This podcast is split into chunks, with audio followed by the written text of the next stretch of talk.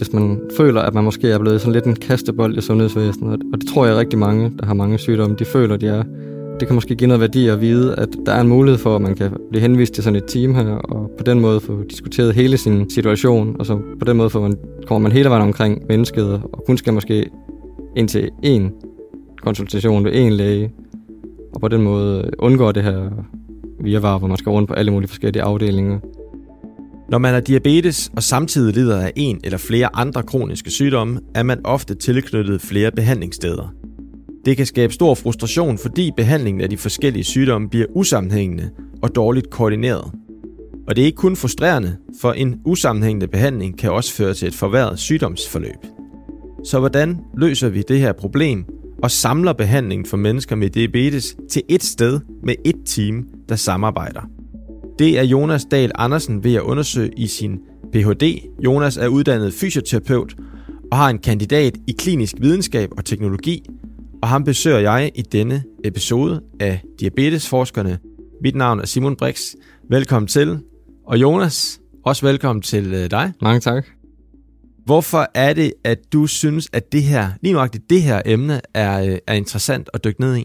Jamen, øh, det synes jeg, fordi at det er en mulighed for at kunne gøre en forskel for, nogle, øh, for en stor patientgruppe eller persongruppe, øh, og kunne gøre en forskel for dem og deres behandling ude i virkeligheden. Det er noget, som motiverer mig rigtig meget. Øh, nu fik du også nævnt, at jeg, at jeg havde en baggrund som fysioterapeut, og da jeg var ude og arbejde som fysioterapeut i en overrække ude på klinikken, der har jeg oplevet det her med, at man kan hjælpe øh, mange personer, men det er meget det med, at man hjælper en person ad gangen. Hvor jeg synes, det der, det der er motiverende ved forskning, er, at man ligesom kan gøre en forskel for rigtig mange personer på én gang, på en anden måde. Og, og det tiltaler mig nok lidt mere end, øh, end den anden del. Passer måske lidt bedre til mit temperament. Okay. Ja. Og hvad er det så for et, øh, et problem, du så potentielt her kan, kan hjælpe med at løse for, for mange mennesker? Ja, man kan sige, når man, har, når man er en person, der har diabetes og andre kroniske sygdomme, udover, udover sin diabetes, øh, altså det vi også kalder for komorbiditeter eller multisyge, det er, at man måske nemt kan komme til at føle sig lidt som en, en kastebold i det danske sundhedsvæsen, fordi det danske sundhedsvæsen er meget specialiseret, og det vi kalder siloopdelt. Så vi har brugt rigtig mange år på at dygtiggøres i at behandle enkelte sygdomme, men det betyder til gengæld nu, at så er vi ikke ret gode til at behandle øh, de personer, som har flere forskellige kroniske sygdomme på samme tid. Så ofte skal de her personer øh, ind på en afdeling og snakke med sin diabeteslæge og få en ting at vide der. Så skal de måske over til en anden afdeling og snakke med deres, en hjertelæge for eksempel, hvis det nu er en hjertesygdom. De har og få en anden ting at vide der, og måske, hvis de også har tre sygdomme, skal de over på en helt tredje afdeling og snakke med en, ja, det kunne være en nyrelæge for eksempel. Mm. Og, og det bliver så endnu mere kompleks, hvis man for eksempel går øh, til undersøgelse ved sin praktiserende læge ude i den private sektor, men går til undersøgelse for en anden sygdom inde på sygehuset, så man også skal på tværs af sektorer, og så bliver det rigtig, rigtig bøvlet, for at sige det for godt dansk. Det lyder bøvlet. Ja, det, det er det også. Og det man, det man kan sige, den her, det giver sådan et usammenhængende, ustruktureret forløb for, for de her personer, og det man ved, det er, at, at det påvirker også kommunikationen. Det påvirker kommunikationen både med hvad skal man sige, de sundhedsprofessionelle og øh, patienterne eller personerne med diabetes, men det påvirker også kommunikationen, de sundhedsprofessionelle internt. Mm. Og det er aldrig godt, når kommunikationen ikke øh, kører optimalt, så, så påvirker det også øh, behandlingsresultaterne. Og alt i alt kan man sige, at de her personer får et meget øh, usammenhængende forløb, og, og jeg tror, de føler sig ofte ret frustrerede. Så, og, og det går også ud over selve øh, sygdomsforløbet, siger du?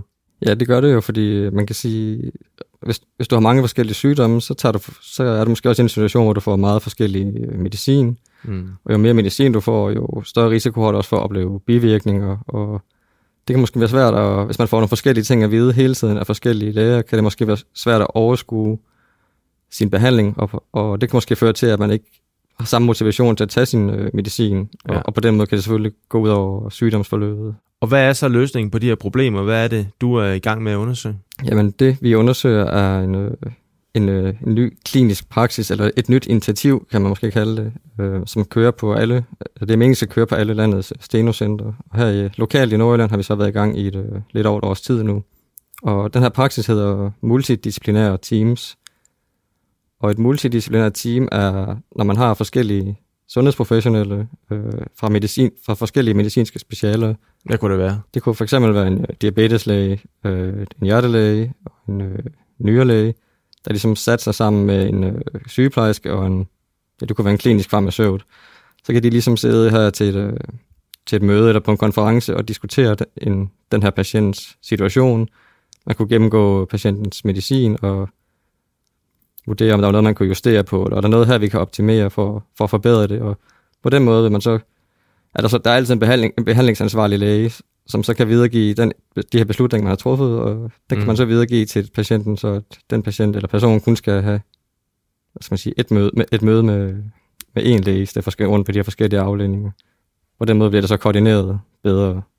Det lyder da utroligt uh, interessant og perspektivrigt. Ja. Hvem er det i den her forskning er relevant for? Er det alle mennesker med diabetes og andre kroniske sygdomme, eller er det nogle særlige former for diabetes, der taler om?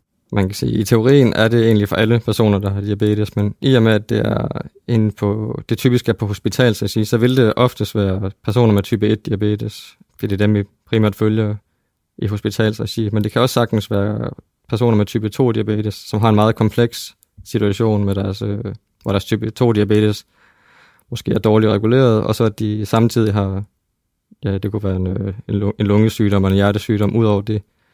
Så man ser meget ind i det her med at involvere praktiserende læge, og det, jeg tror også, det bliver mere og mere fremtiden at få øh, praktiserende læger med ind i de her teams. Og det ved jeg, man allerede gør nogle steder i Danmark faktisk.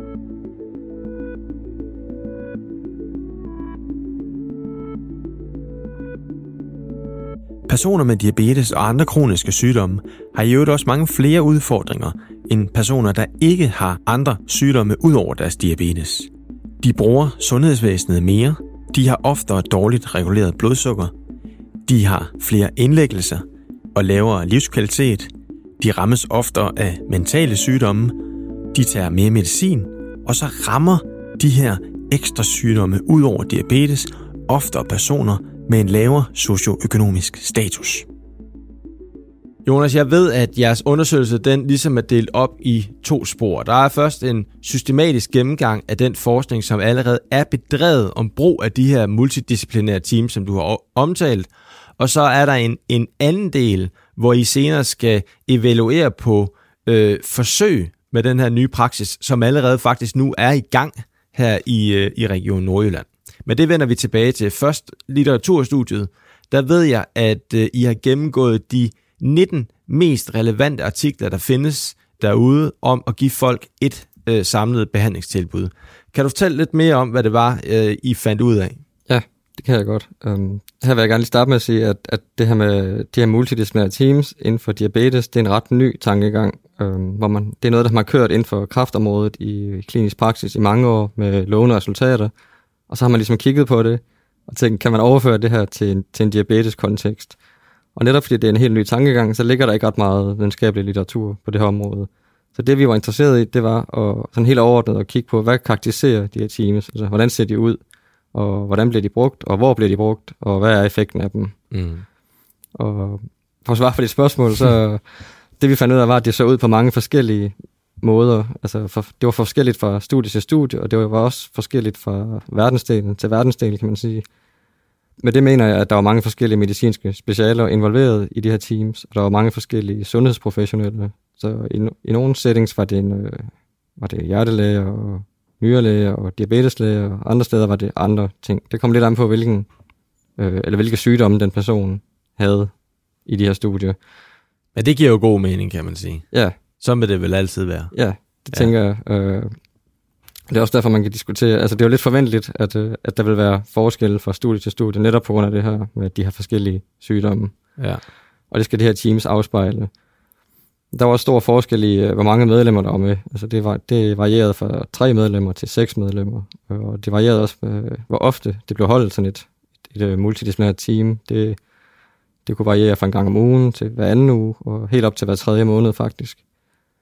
Og der var også forskel på, hvor det blev anvendt. Det var, I halvdelen af studien var det i primærsektoren, altså ude i praktiserende læge, mm. og i den anden halvdel var det så på sygehusene i, i sekundærsektoren. Okay. Og hvad tænker du om det? Jamen, jeg tænker, at øh, det er svært at, at, at komme med sådan et, et, optimal, et bud på, hvordan et optimalt multidisciplinært team ser ud.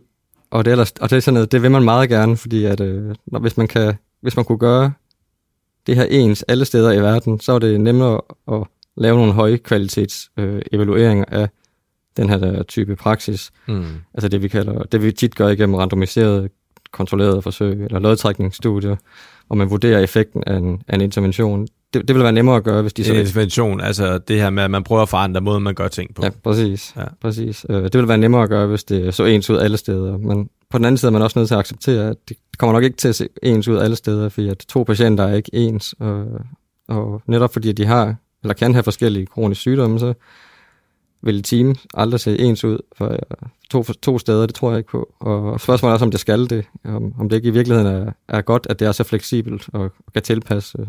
Men hvad med det her med, altså hvor tit man mødes? Der kunne man måske godt forestille sig, at man kunne finde frem til en eller anden form for praksis, som, som kunne gå igen. Ja, det tror jeg, du har ret i. Øhm, det er svært at sige igen, fordi der ikke er lavet nogen af de her eff- effektstudier, så man har, ikke, man, har ikke, man har ikke noget at sammenligne, kan man sige. Nej. Øhm, lige, nu, lige nu kører det meget på, vi prøver noget, og så hvad er erfaringerne af det?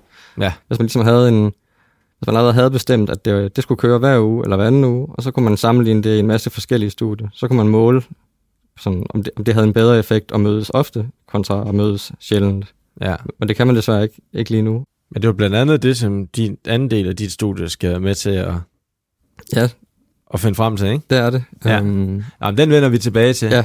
Vil, du, øh, vil du fortælle lidt omkring, om, altså, kunne, man også, kunne I også se i litteraturstudiet, at der var en effekt af de her multidisciplinære teams? Ja, her er det vigtigt at sige, at, at når man laver sådan et, øh, et, et litteraturstudie, vi har lavet, så har vi ikke lavet det, man kalder en, en øh, meta-analyse. Så jeg har, ikke nogen, jeg har ikke nogen tal på, hvor, hvor effektivt det var. Men vi har gennemgået alle studierne og set på, hvilke effekter, øh, der blev rapporteret i de studier. Okay.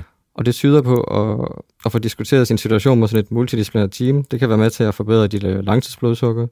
Det kan også være med til at forbedre din mentale sundhed. Det kan være med til at minimere risikoen for fodsår og amputationer. Og det kan også være med til at um, hvad skal man sige, min- mindske antallet af indlæggelser. Og så er der også noget, der tyder på, at det faktisk er omkostningseffektivt. Det vil sige, at det, altså, det kan betale sig at, at bruge ressourcer på det her, i forhold til det, man får ud af det. Og, men vi så også, at der ikke var nogen ændring i livskvalitet for patienterne. Og det var måske lidt, lidt overraskende, faktisk. Okay, så når de bliver spurgt direkte, oplever du en forandring i din livskvalitet efter brug af de her multidisciplinære teams, så, så, så var der det- ingen forskel. Nej, så var der ingen ændring. Det, det kan så måske forklares ved, at det, det var kun to studier, skal det så siges, der kiggede på det. Men øh, Okay. der var forskellige, øh, det vi kalder en follow-up-periode, så, så fra patienten fik, fik diskuteret sin situation på sådan, et, på sådan et team her, så gik der helt op til et halvt år, før de fik deres øh, opfølgningsspørgeskema. Mm. Og, og det, er, det er nok ret lang tid efter. Så der kan simpelthen ligge noget rent metodisk her, som, øh, som, har gjort, som er gået ud over resultatet. Ja, jeg vil, jeg vil påstå, at, at der kan ske mange ting i en persons liv på seks måneder, der kunne påvirke din livskvalitet, og, og dermed kan det være svært at vurdere, om det lige var det at få diskuteret sin situation på et, på et team, der, Ja. der påvirkede, om det var noget helt andet. Men i forhold til sygdomsbehandling, så lyder det i hvert fald som om, der var en masse potentielt meget positive resultater. Det må man sige. Ud fra det her har vi, altså det er meget overvejende positive effekter, der er rapporteret, så- det, det virker meget lovende, kan man sige. Så det vil være meget interessant at kunne lave sådan en, ja, igen, det vi kalder en meta-analyse, hvor man kunne få nogle tal på effekten. Og ingen negativ. Ikke noget med, om det er træls, nu mødes jeg ikke med min hjertelæge.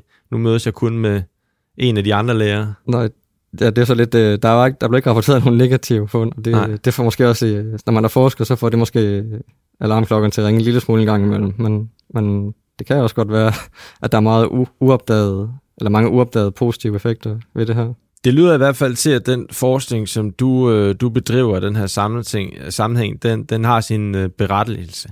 Øh, fordi der er så meget viden, som, som man åbenbart ikke har. Ja. Og det er jo i virkeligheden det, som anden del af dit øh, studie handler om. Kan du ikke øh, fortælle lidt om, hvad, hvad, hvad det er, du gør her? Jo, her kan man sige, at her i lokalt i Nordjylland, som jeg vil starte med at sige, har det, har det kørt i et års tid nu, de her multidisciplinære teams. Så det vil sige, at man har, det har været ude at blive afprøvet, og det skal fortsætte med at afprøves hen over de næste par år.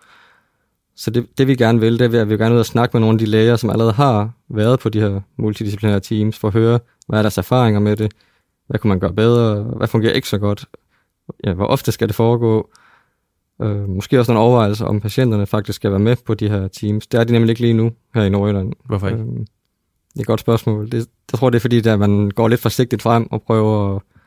Nu prøver man at se, om man kan få det til at fungere, de her teams, få det op at køre, inden man så tager patienterne ind. Og hvis det så viser sig, at det fungerer godt, så kunne man måske øh, inddrage patienterne. man kunne måske forestille sig, at det at være patient eller person, og med på sådan et team her, kunne være lidt øh, overrumplende, hvis man sidder der ved et bord, og der sidder øh, 4-5 læger rundt om dig og diskuterer din situation. At det, det kunne måske afskrække nogen, men omvendt tror jeg også, at mange patienter måske kunne synes, det var, det var interessant at kunne, at kunne påvirke sin egen behandling på en eller anden måde, eller i et eller andet omfang. Ja. Øh, men det er, måske, det er noget af det, vi gerne vil dykke ned i og undersøge om, om øh, ja, hvordan det mest optimale setup skal se ud her i, i Nordjylland i hvert fald. Ja. Og vi vil også gerne snakke med, med de patienter, som så har fået deres situation diskuteret på, eller er sådan et multidisciplinært team, mm. og netop at komme omkring det her. Hvad, hvad synes de om det, og kunne de netop godt tænke sig at være med på teamet, eller er det noget, de helst bare overlader til, til lægerne? og så har vi også en, øh, en anden del, eller vi vil også gerne, øh, hvor vi gerne vil undersøge de her personers livskvalitet, hvor vi øh, gerne vil give dem et spørgeskema, eller to spørgeskemaer faktisk. Okay. Både et, der er målrettet deres diabetes-specifikke livskvalitet, men også et, der fokuserer på deres generelle livskvalitet. Og det vil vi gerne give dem omkring det tidspunkt, hvor de får diskuteret deres situation eller behandling sådan et team her, og så igen tre måneder efter, for at se, om, de kan, om det så kan gøre en forskel. Okay. Det tyder det jo så ikke på i, i litteraturstudiet, men det håber vi måske, at det kunne, Ja. det kunne gøre her. Spændende. Hvor langt er I øh, litteraturstudiet? Det er, det er I ligesom overstået, og det, det er I færdige med, ikke også? Det er vi færdige med. Det er blevet sendt ind til det, man kalder en journal, hvor det skal, skal udgives. Det, der er vi sendt det ind her i august sidste år. Og hvor langt er I øh, med den anden del her? Jeg kan fornemme, at I ikke er så langt med det. Nej, vi er der stadig i planlægningsfasen, men, men i og med, at de her teams, de allerede er kørt, så har vi en, øh, vi snakker jo med, vi snakker med de her læger en gang imellem. Altså vi har også sådan lidt en, en uvidenskabelig fornemmelse af, hvordan det går, og hvordan man kan gøre det bedre. Øhm, men sådan, at gøre det videnskabeligt og metodisk korrekt, der går nok lige nogle, nogle måneder endnu, før vi kommer i gang med det. Og apropos metodisk korrekt, altså kan du se nogle, nogle udfordringer i, i jeres metode? Er der noget, du forventer kan blive øh, svært at måle på? Er der... Ja, det her med livskvalitet, som vi lige har været inde på, øh, det, det kan være en udfordring, netop fordi, selv, nu sætter vi den, øh, den der follow-up-periode til tre måneder, fra vi giver dem det spørgeskema, til de så får et, et opfølgningsspørgeskema. Men som jeg sagde tidligere, så kan der ske mange ting i en persons liv på tre måneder, der kan påvirke livskvaliteten. Og man kan måske også spørge sig selv, om det bare det at bare få diskuteret sin situation på, på af et multidisciplinært team, hvor man ikke selv er en del af, kan det virkelig gøre så stor en forskel i ens øh, livskvalitet? Det, er, det er måske nogle af de, de overvejelser, vi sidder med lige nu i forhold til interviewdelen her.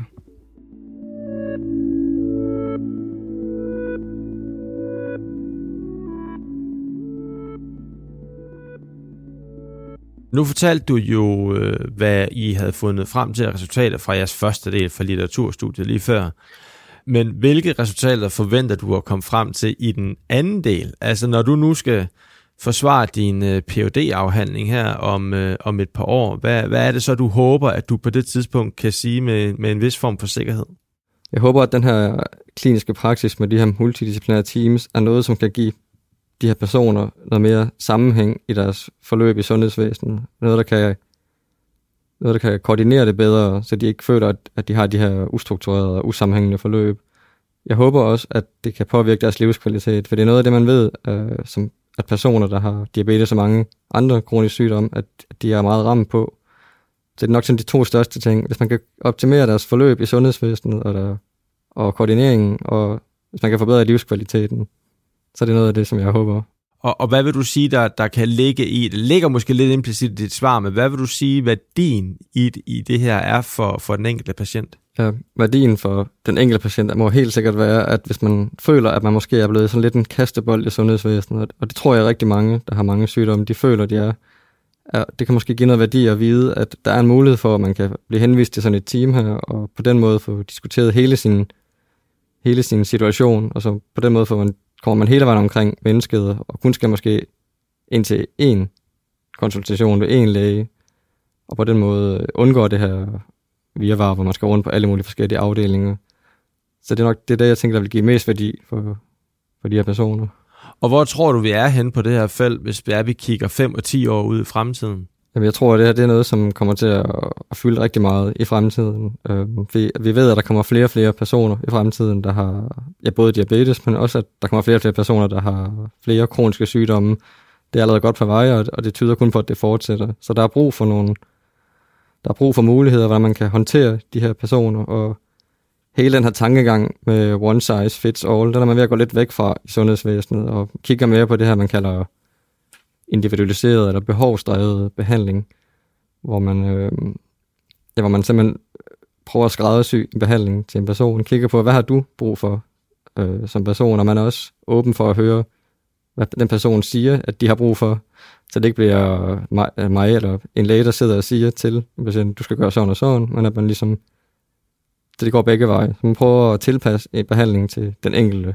Ja, okay, så det er en, en retning, som man er på vej i. Ja, det er den ene del. Og så er det her med, at man arbejder på tværs af, af, af sektorer, tror jeg er noget, som er, er rigtig vigtigt. For eksempel at inddrage almen praksis i de her multidisciplinære teams er, er meget vigtigt. Der går rigtig mange personer ud i almen praksis med mange forskellige sygdomme, og der går også mange ind på sygehuset, men, men hvis man kunne koordinere det på tværs af sektorer, det vil, det vil virkelig gøre en stor forskel. Fordi det handler om, at almen praksis, det er ligesom øh, det, patienten møder som det første, så det er måske også med, noget med at kunne sætte hurtigere ind, eller hvad? Lige præcis. Ja. Og man kan sige, på sygehuset, som jeg sagde, så der er det mest personer med type 1 diabetes, der går. Der går en, rigtig mange med type, især med type 2 diabetes ved almen praksis. Og, og netop ja, så er det der man oftest kommer ind i sundhedsvæsenet for mange. Mm. Øhm, så det, det er noget med at hurtigt kunne identificere. og det her med, med, at der kommer flere og flere personer med diabetes og, og, og andre kroniske sygdomme, det betyder også, at det vil kunne gøre en stor forskel, hvis man tidligere i, i forløbet kunne identificere, hvilke personer er i høj risiko for at udvikle andre kroniske sygdomme, eller hvis man kunne forudse, øh, om de var i risiko for at opleve en forværing af deres sygdomme, så vil man også kunne altså, sætte ind med en relevant behandling tidligere i forløbet. Det giver god mening. Jonas, her til sidst, så skal jeg lige høre dig, fordi der er noget med, at du også har gang i faktisk et andet studie, der også er relateret til det her med at have flere sygdomme ud over diabetes. Kan du kort lige skitsere, hvad det er, det går ud på? Det kan jeg godt. Du kommer lidt ind på det her. Det handler meget om det her med at kunne identificere personer tidligere i deres forløb, altså personer, der har diabetes øh, og andre kroniske sygdomme. Så hvis man kunne identificere dem tidligere i deres forløb, vil man også kunne hvad skal man sige, gøre noget med den, ja. med den viden. Så det er ikke nok bare at kunne forudsige, øh, hvem der er i, i risiko for at udvikle sygdom eller opleve en forværing af deres sygdom. Man skal også bruge det til noget. Ja. Og det man så kunne gøre, det var for eksempel at henvise til et multidisciplinært team øh, tidligere i forløbet, så man måske helt kunne undgå, at de her personer fik øh, kronisk sygdom, eller måske, helt, eller måske i bedste fald kunne udskyde, at de fik øh, komplikationer eller andre sygdomme. Hvordan øh, vil du finde frem til det? Det vi vil gøre, det er, at vi vil bruge øh, noget, der hedder landspatientregisteret, altså store mængder data, nationale data, til at lave noget, øh, nogle prædiktionsmodeller, hedder det. Okay, forudsigelsesmodeller. Forudsigelsesmodeller, ja. ja. Og det gør man ved noget, der hedder maskinlæring, og, hvor man simpelthen putter nogle variabler og noget data ind i nogle modeller, og så får man noget, et resultat ud i en anden ende. Okay. Okay, ja. men du er jo også uddannet i, i både, du har en kandidat i klinisk videnskab, det kan vi sige, det er den første del af det studie her, og så teknologi, det er så den anden del af det studie. Ja, det kan man sige, og ja. hvis man kobler det med fysioterapi delen, så synes jeg egentlig, at man kommer lidt omkring det, det hele, både noget klinisk og noget teoretisk. Øhm, det, det opsummerer, hvorfor jeg egentlig synes, det er ret spændende at arbejde med det her. Jonas, du skal have tusind tak, fordi at du vil øh, fortælle om, ja, kan man sige, alle dine studier, ja. øh, og, og primært øh, det første, vi, vi gennemgik. Og på den note, så vil jeg øh, sige øh, tak for nu, og øh, dermed er vi ved at være nået til vejs ende af den her episode af Diabetesforskerne. Husk, at du kan finde alle episoder fra denne sæson og de første to sæsoner i alle podcast-apps. Du kan desuden læse mere om diabetesforskning på de syv Steno Diabetes Centers hjemmesider. Mit navn er Simon Brix. På genhør.